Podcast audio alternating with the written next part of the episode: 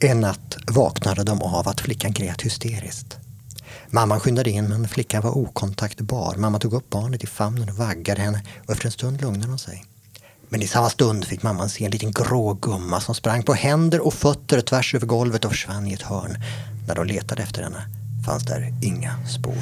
Okej, vad är det här nu? Är det spökhistorier? Det blir värre.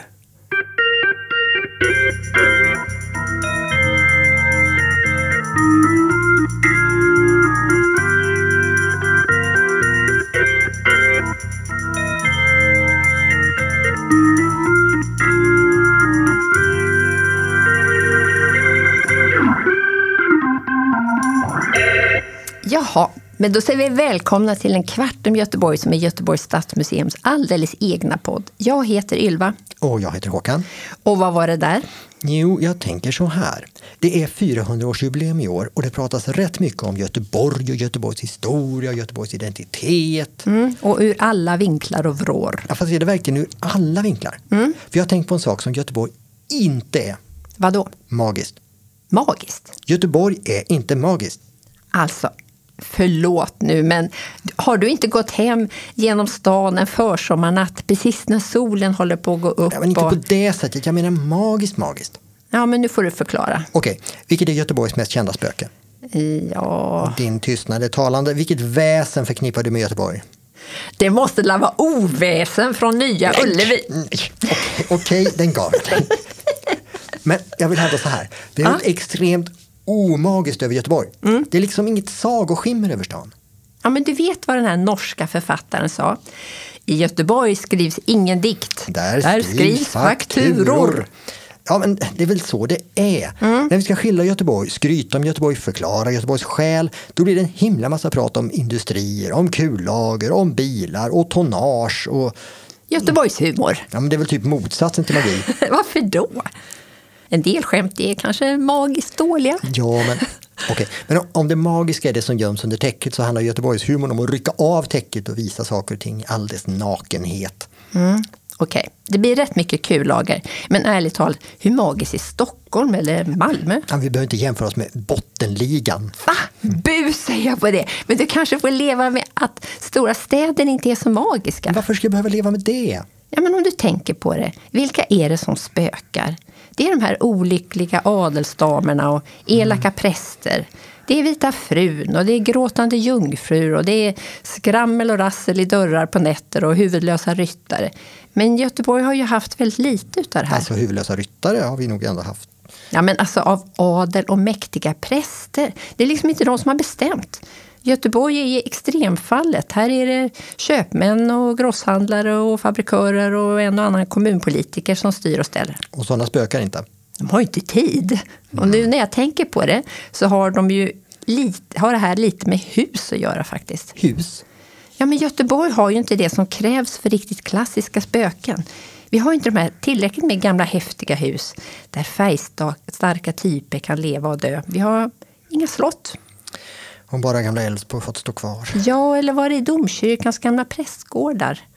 Men, men, men ärligt talat, vi har ju lite sånt.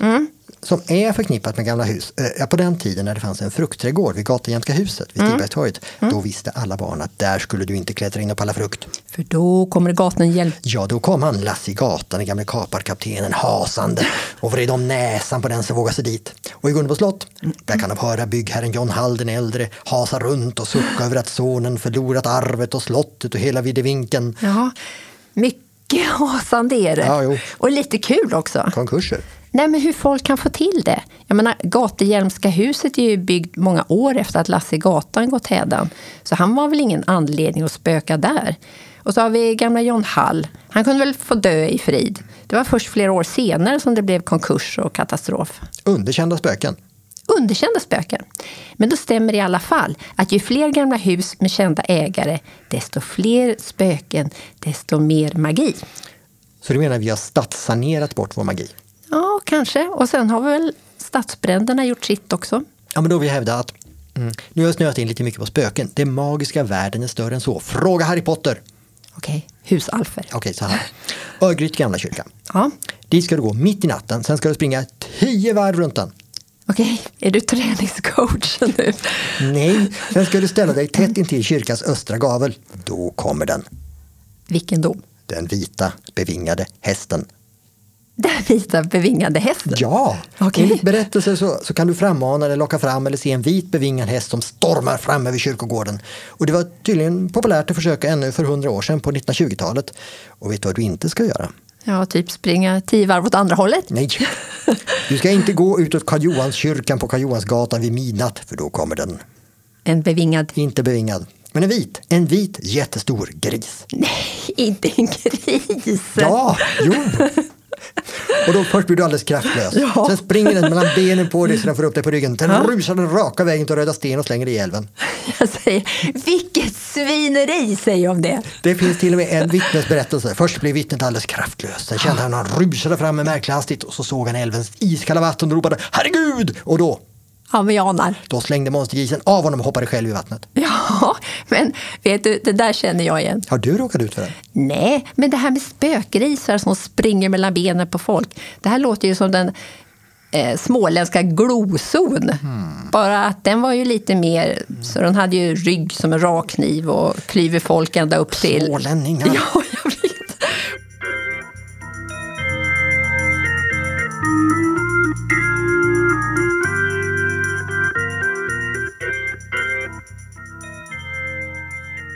Och det där att någon vill ta med dig ner i vattnet men skakar av dig när den hör Guds namn. Det är ju faktiskt precis som bäckahästen. Det får du tycka om du vill. Men just den här vita grisen den Mm. Ja. är faktiskt också ett spöke. När Jaha. Han levde och han en skotsk sjökapten som heter Alexander Sky. Mhm. Han bodde på Karl Johansgatan någon gång på 1800-talet. Men han var dessutom en sjörövare. Och för sina onda gärningars skull så får han inte ro i sin grav utan spökar. Som en vit gris! Ja. Alltså jag vill ju inte veta vad han gjorde för att få det som straff. Fråga Lasse i gatan, inte Mm. vet jag. Men, men det är inte det enda som går att hämta ur den göteborgska folktron. I början av 1900-talet gjorde de flera försök att samla in folks berättelser och stan verkade vimla av spökryttare, spökvagnar med huvudlösa kuskar, gråtande spöken och annat övernaturligt. Men Rambergsgubben då? Va? Men du får inte glömma Rambergsgubben. Det har ju bott jättar här. De har jag nog missat. Alltså hur missar man en jätte? Ja, ja, ja. men på Ramberget, där ligger ju jättestenar. Och hur har de hamnat där tror du? Inlandsisen. Jag tror det är du ja. Men på Ramberget bodde Rambergsgubben. Och det var ju en jätte som eventuellt flyttade dit från Ottehällan för att han skulle slippa undan de här kyrkklockorna när de byggde Göteborg. Men förklaringarna till de stora stenarna på Ramberget och till att berget är sprucket, det är att jättar kastat sten. Han kastar på sitt eget berg. Ja, det finns lite olika varianter. Men antingen var han så mätt så att han inte riktigt fick någon fjong på kasten.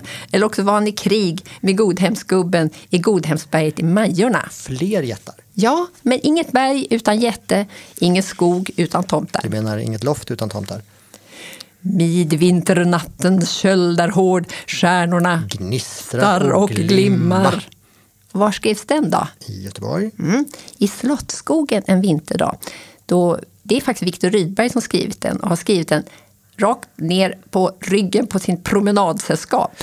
Bara det är ju lite magiskt. Ja, och det finns mer än tomtar och troll. Du tänker... eh, Ja, men så här.